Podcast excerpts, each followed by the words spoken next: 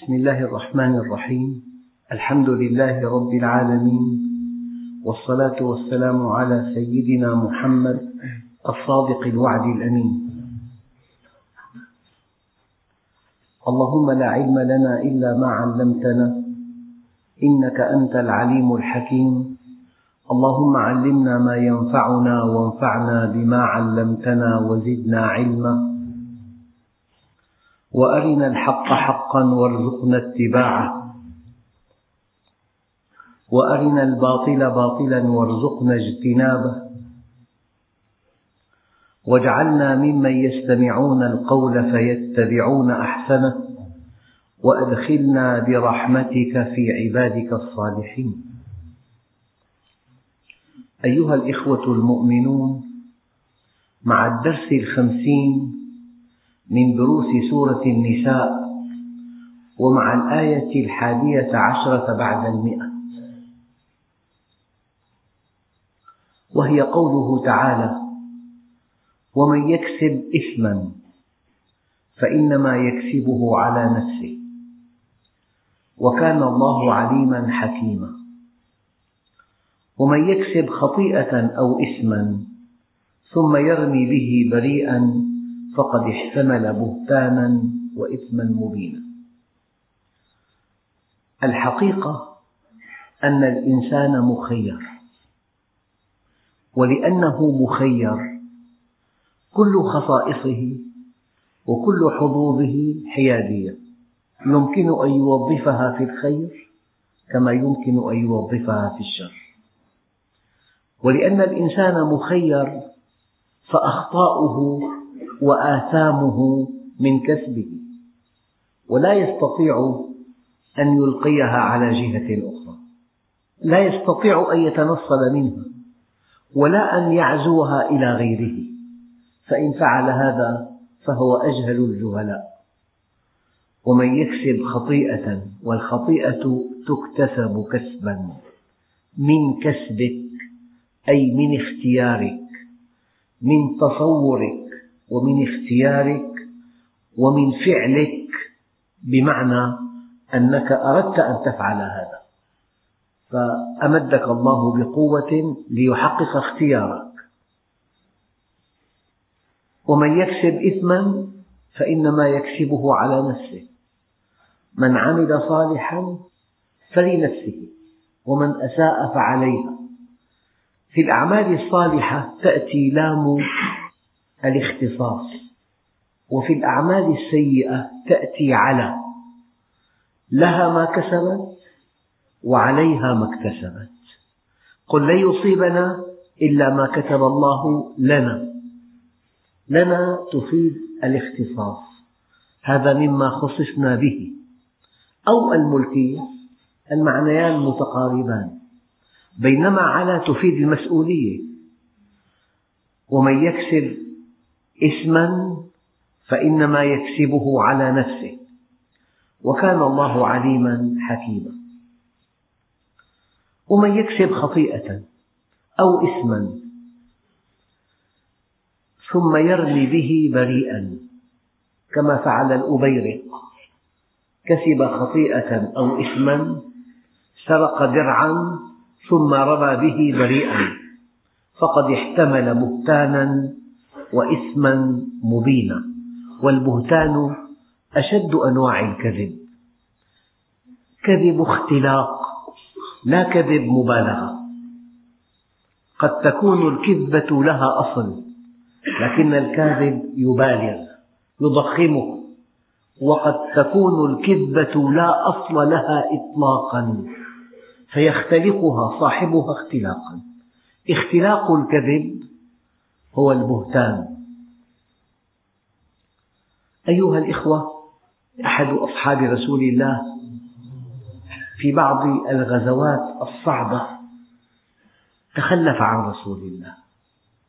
فلما عاد النبي صلى الله عليه وسلم إلى المدينة وكان من عادته أن يستمع إلى أعذار المتخلفين.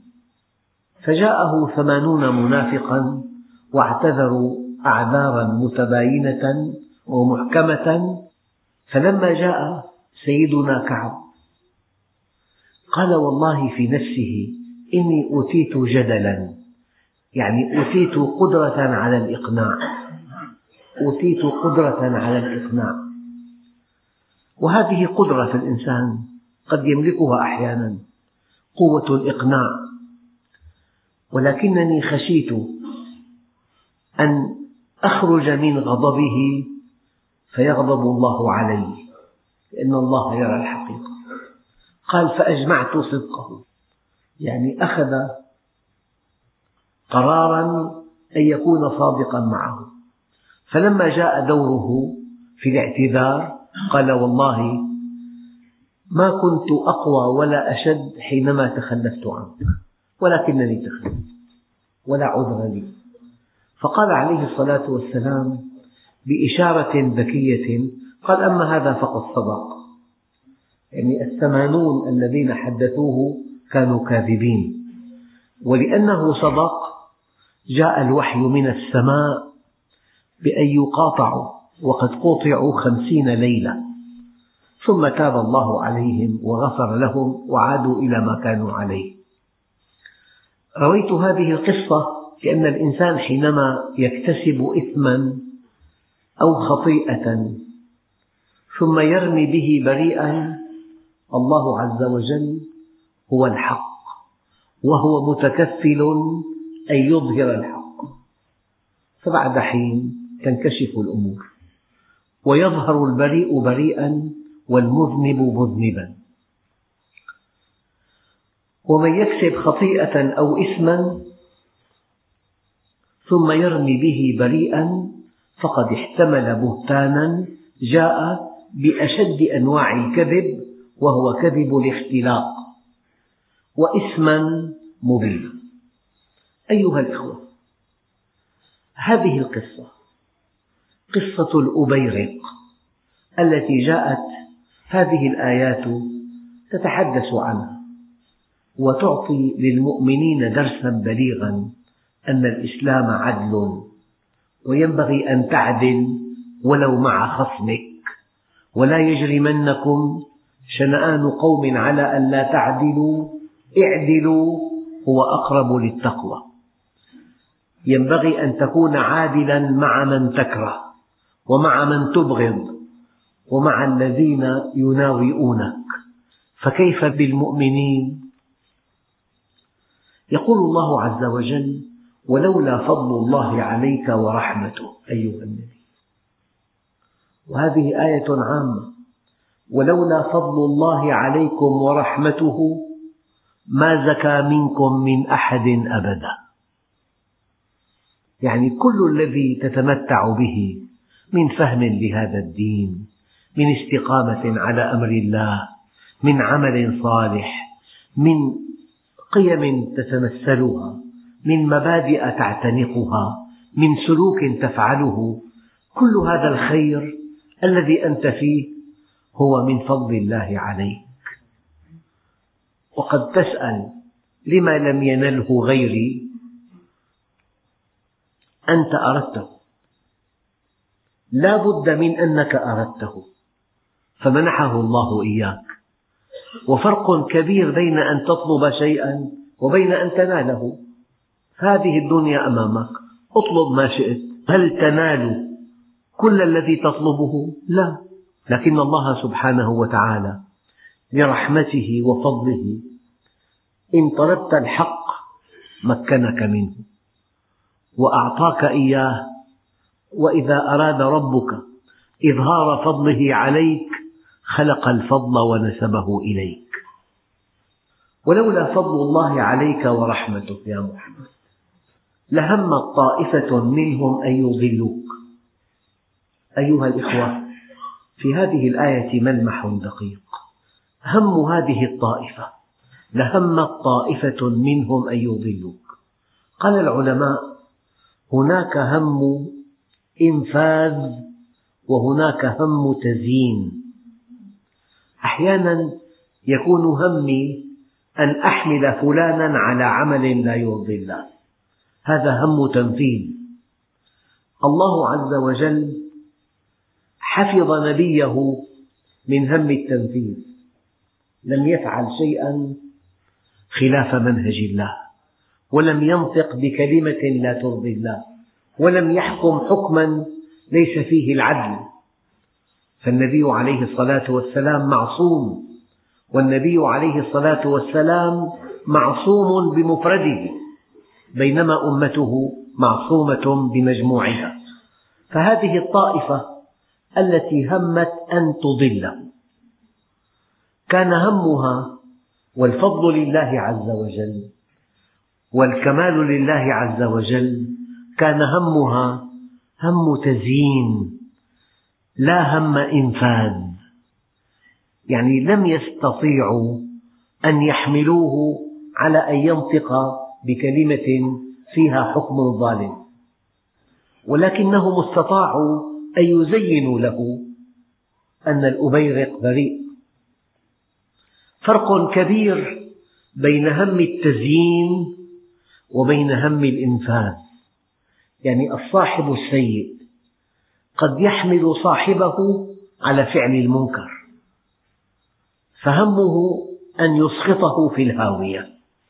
والصاحب الآخر منع من أن يحمل صاحبه على فعل المنكر ولكنه زين له المنكر وانتهى الأمر عند هذا. ولم يستجب الصاحب لتزيين صاحبه. إذا من فضل الله العميم على رسوله الكريم أن هم هذه الطائفة كان هم تزيين لا هم تنفيذ. ولولا أن الله حفظ رسوله ولولا أن الله سبحانه وتعالى وفق رسوله إلى الحق لهمت طائفة منهم أن يضلوك كيف يضلوك؟ هذا موضوع دقيق جدا لو أن النبي عليه الصلاة والسلام الذي يوحى إليه الذي يأتيه الوحي من عند الله عز وجل لو أنه حكم على بريء بالجرم وحكم على مذنب بالبراءة ماذا يقول المذنب الذي حكم عليه بالبراءة؟ كيف انطلع عليه ذلك؟ يقيس هذا الخطأ على وحي السماء فيسقط عنده وحي السماء. وهذا الذي حكم عليه النبي بالذنب وهو بريء. ماذا يقول؟ أين الوحي؟ كيف حكم علي ظلما؟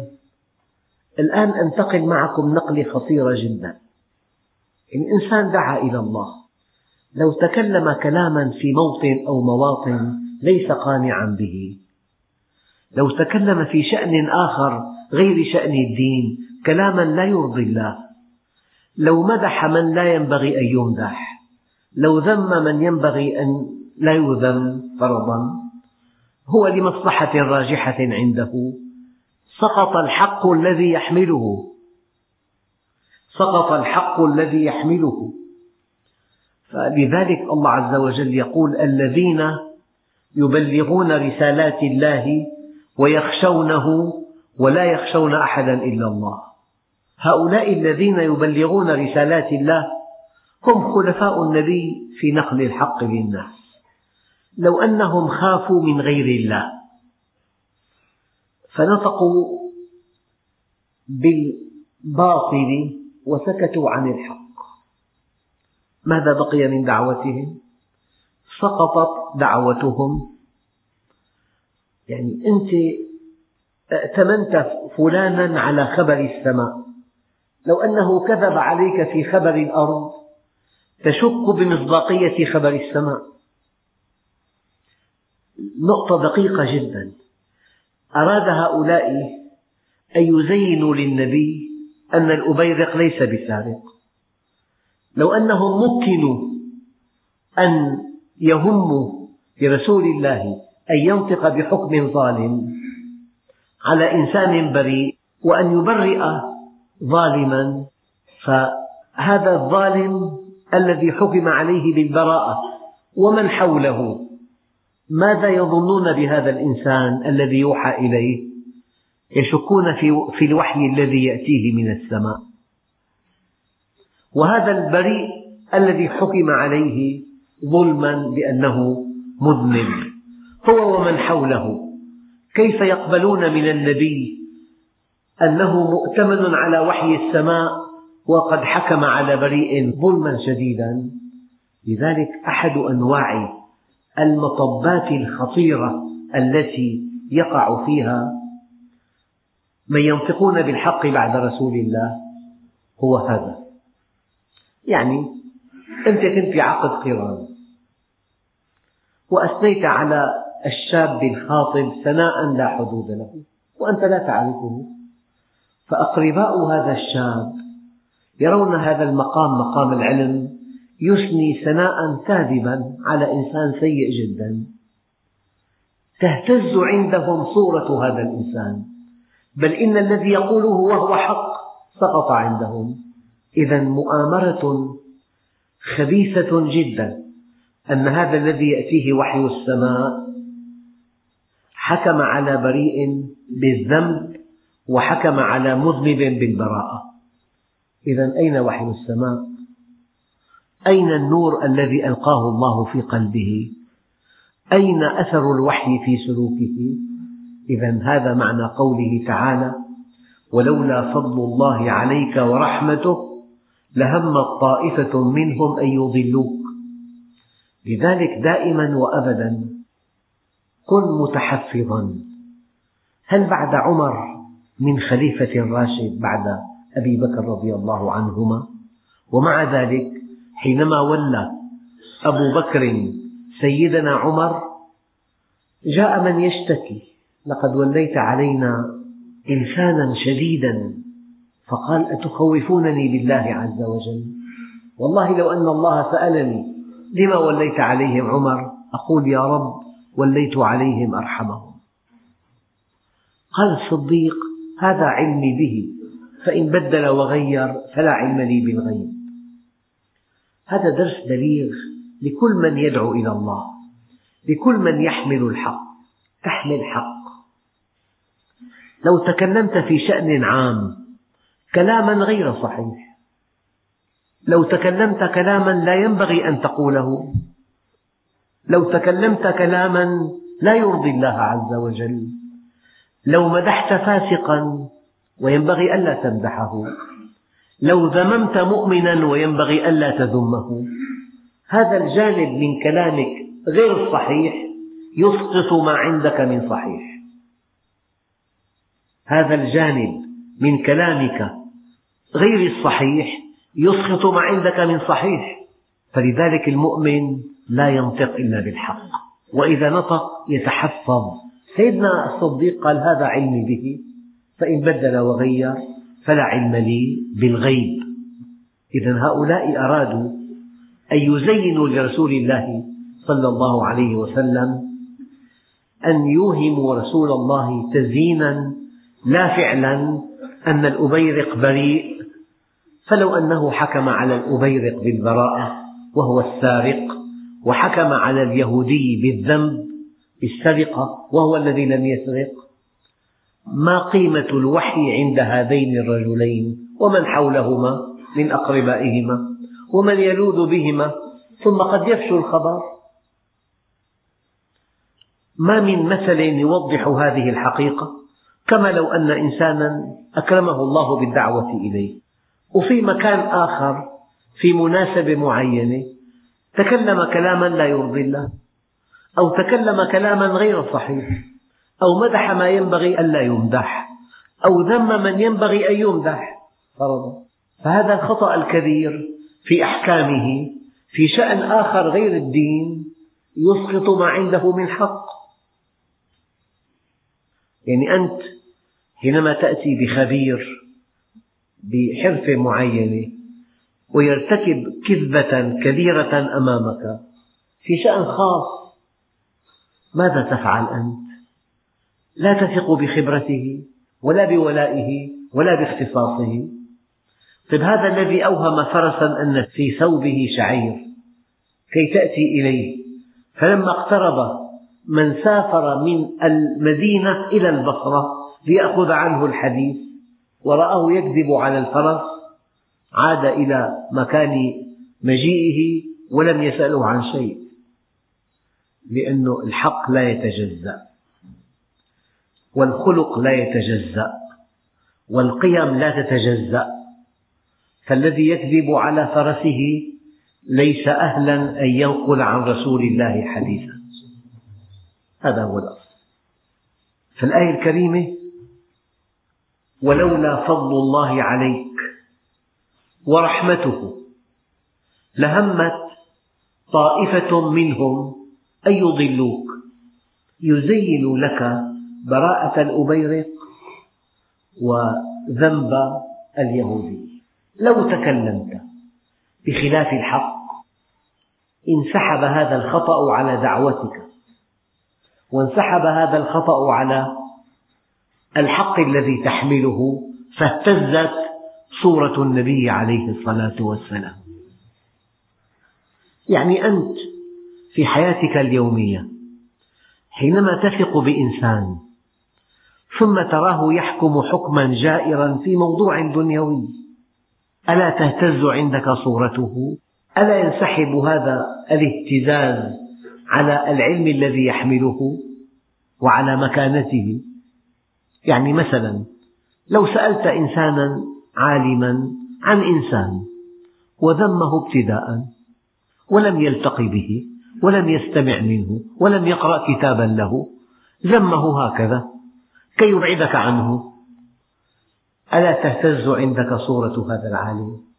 لم يكن واقعيا لم يكن منصفا.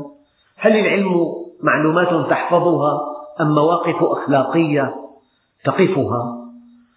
العلم في حقيقته حكم فيه إنصاف. النبي عليه الصلاة والسلام حينما رأى صهره في صف المشركين وجاء ليقاتله وقد وقع أسيرا. نظر إليه وقال والله ما ذممناه صهرا. يعني كان صهرا جيدا. والله ما ذممناه صهرا. قال وما يضلون إلا أنفسهم. إنهم يكيدون كيدا. وأكيد كيدا. كيد الله تدبير حكيم. يردعهم عن أن يضلوا المؤمنين. وما يضلون إلا أنفسهم. يعني هم حينما أرادوا هذا العمل السيء أو حينما أرادوا أن يزينوا لرسول الله صلى الله عليه وسلم براءة الأبيرق وذنب اليهودي ولو أن بعضهم أراد من هذا أن يقع النبي عليه الصلاة والسلام في حكم ظالم فيبرئ مذنبا ويتهم بريئا.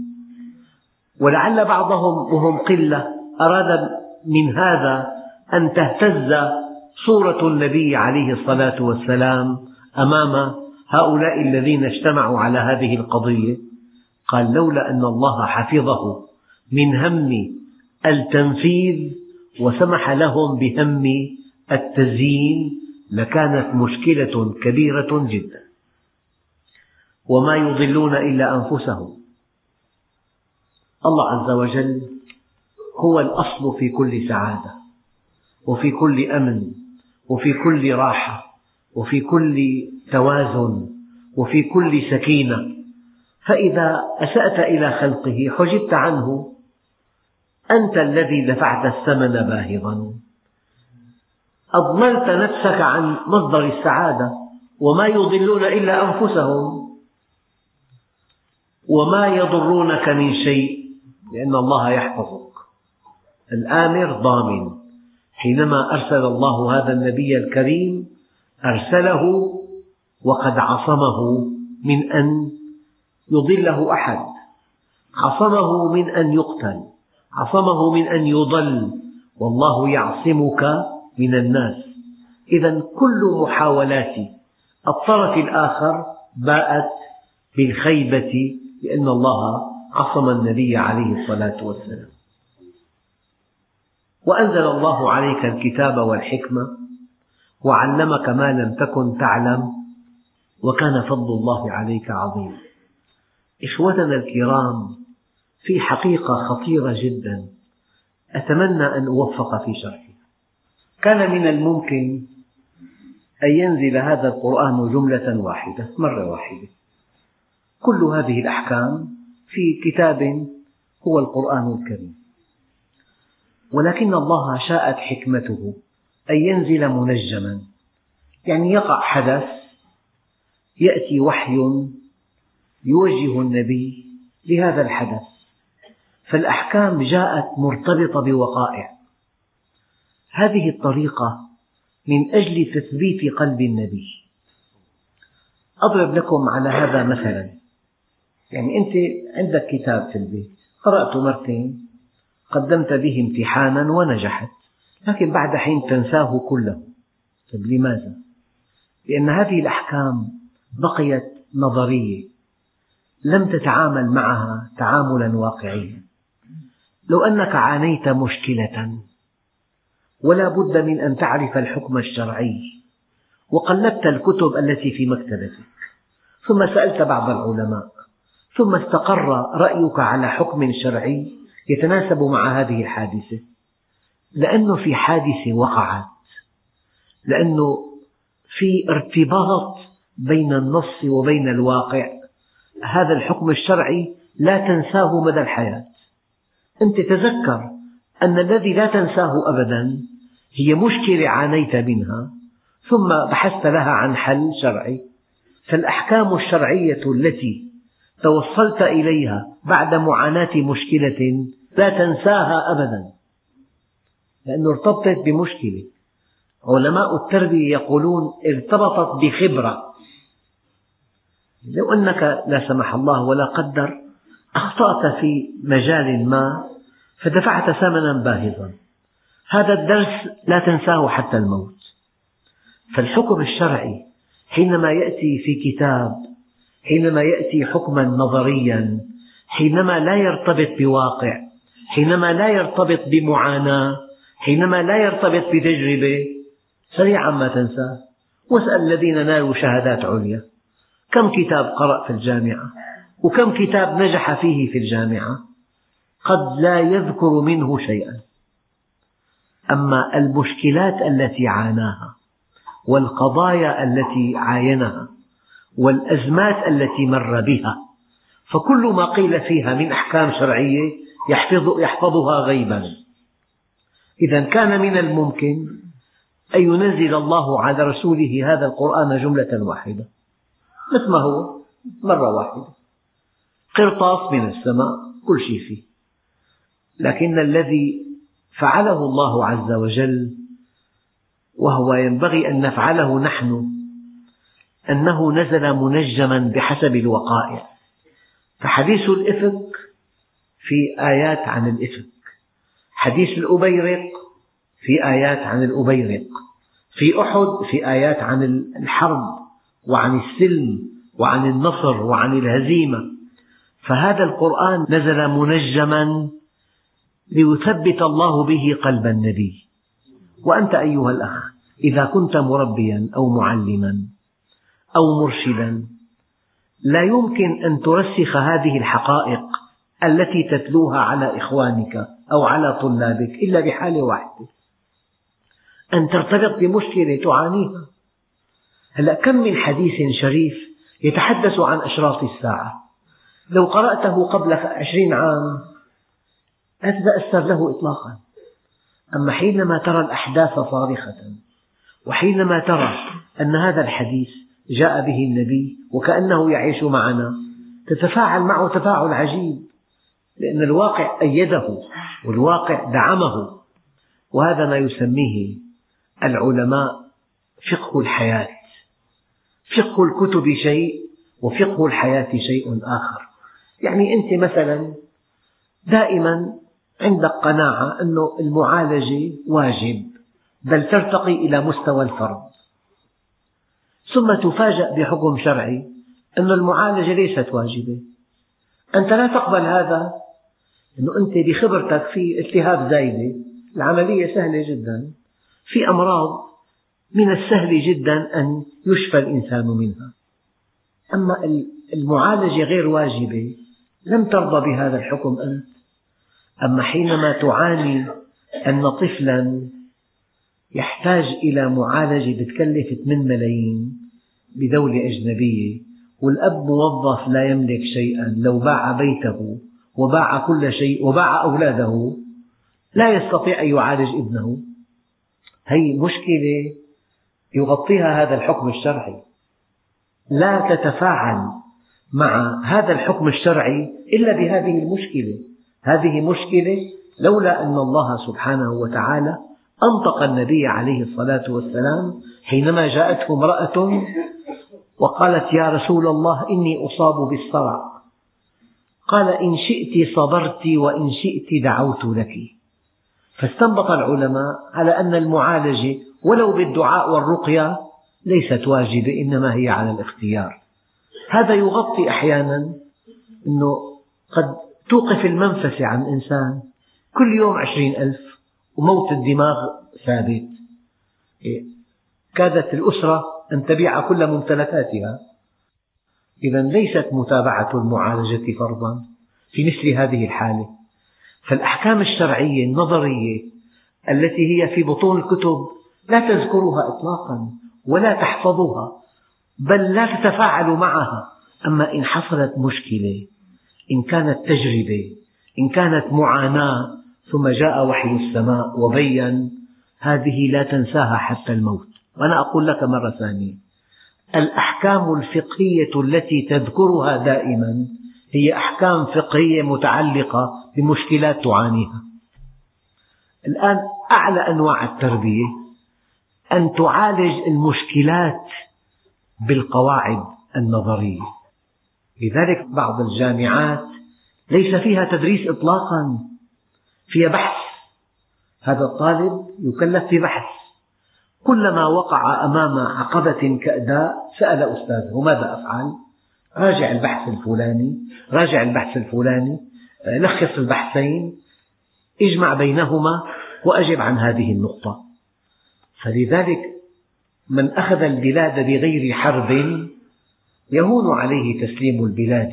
كل شيء يأتيك بسهولة بلا معاناة بلا مشكلة بلا تجربة. لذلك الأفكار التي ينبغي أن نجتمع حولها واضحة. لا نجتمع. هؤلاء الأجانب بعد حروب ومعاناة دافعين ثمن ما هم فيه الآن ثمن من دماء أبنائهم. يعني هم يتعاونون هم بعيدون عن المهاترات بسبب أنهم دفعوا ثمن هذا باهظا فيما مضى. فاتعظوا. والتفتوا إلى تقوية أنفسهم وبناء مجتمعاتهم حتى ملكوا ناصية العالم.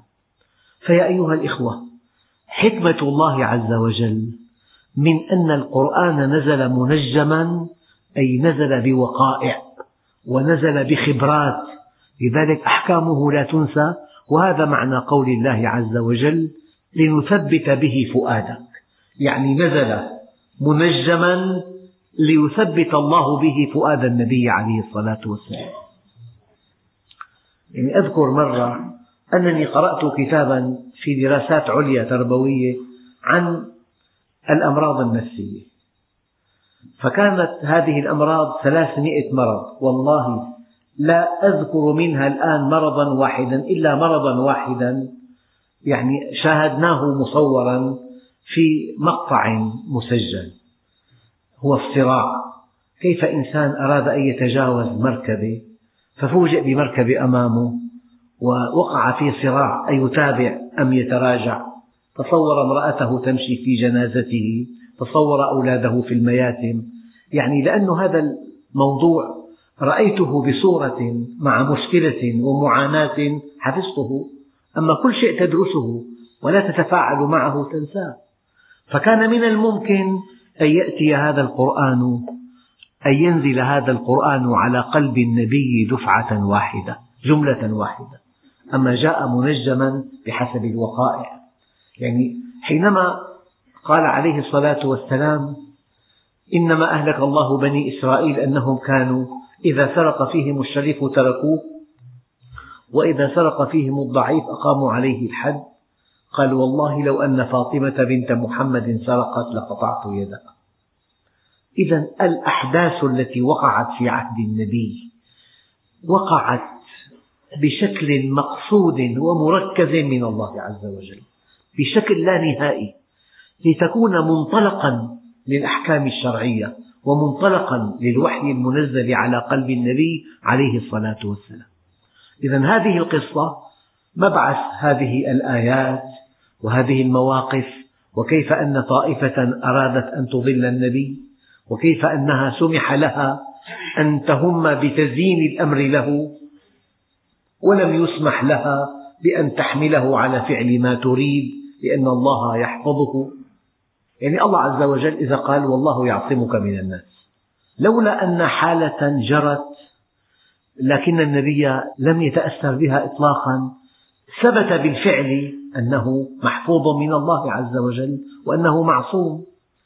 فالواقع حينما ينطق ينطق بحجة دامغة. فلذلك الوحي نزل منجما بحسب الوقائع التي عاشها النبي وهذه الوقائع كانت مركزة في أعلى مستوى من قبل الله عز وجل. وعلمك ما لم تكن تعلم. وكان فضل الله عليك عظيما. عظيما والله قال قل متاع الدنيا قليل. لو معك ألف مليار تموت وتتركها في الأرض. متاع الدنيا قليل. كم تأكل؟ اللي معه بالمليارات كم يأكل؟ يأكل كما يأكل أي إنسان. على كم سرير ينام؟ كم ثياب يرتدي؟ كم مركبة يركب؟ الدنيا لها سقف. مهما كنت غنيا في الدنيا عند الله قليل. أما إذا علمك الله الكتاب والحكمة وعلمك ما لم تكن تعلم سمى الله هذا الفضل فضلا عظيما. أنا مرة ذكرت أنه طفل بالحضانة لو قال لك يا, يا أبتي أنا معي مبلغ عظيم بعد العيد يعني. يعني معه 200 ليرة. أنت كم تتوهم أن المبلغ من طفل يقول مبلغ عظيم؟ يعني 200 ليرة. إذا قال مسؤول بالبنتاغون أنه نحن رصدنا لحرب العراق مبلغا عظيما. كم تتصوروه؟ 200 مليار. شوف كلمة عظيم واحدة. قالها طفل فظننتها مئتي ليرة. وقالها مسؤول فظننتها مئتي مليار دولار. إذا كلمة عظيم بحسب قائلها. أليس كذلك؟ هلا إذا قال الله عز وجل وعلمك ما لم تكن تعلم. وكان فضل الله عليك عظيما. ما هو أعظم شيء في الأرض أن تعرفه؟ إنك إن عرفته خضعت لمنهجه وسعدت بقربه في الدنيا والآخرة. هذه البطولة. وهذه الآية والله ينبغي على كل أخ كريم أن يضعها في صدر بيته. وعلمك ما لم تكن تعلم وكان فضل الله عليك عظيما. الشرك عم الأرض. تسعمئة مليون يعبدون البقر في بعض القارات. يعبدون الحجر يعبدون الشمس والقمر يعبدون شهواتهم يعبدون النساء. فإذا سمح الله لك أن تعبده فأنت على على هدى كبير. وعلمك ما لم تكن تعلم وكان فضل الله عليك عظيما. في بلاد لعلها العادة بدأت تنقرض. إذا مات الزوج ينبغي أن تحرق معه زوجته وهي حية. هيك تقاليدهم نحن لا والله تتزوج بعد منه. ما في مشكلة أبدا. يعني شوف الشرع الإلهي كيف. يعني في بلاد يأكلون الجرذان. أما الله عز وجل سمح لنا أن نأكل أطيب الطعام. فنحن في نعمة لا تعدلها نعمة لكن ينبغي أن نعرفها.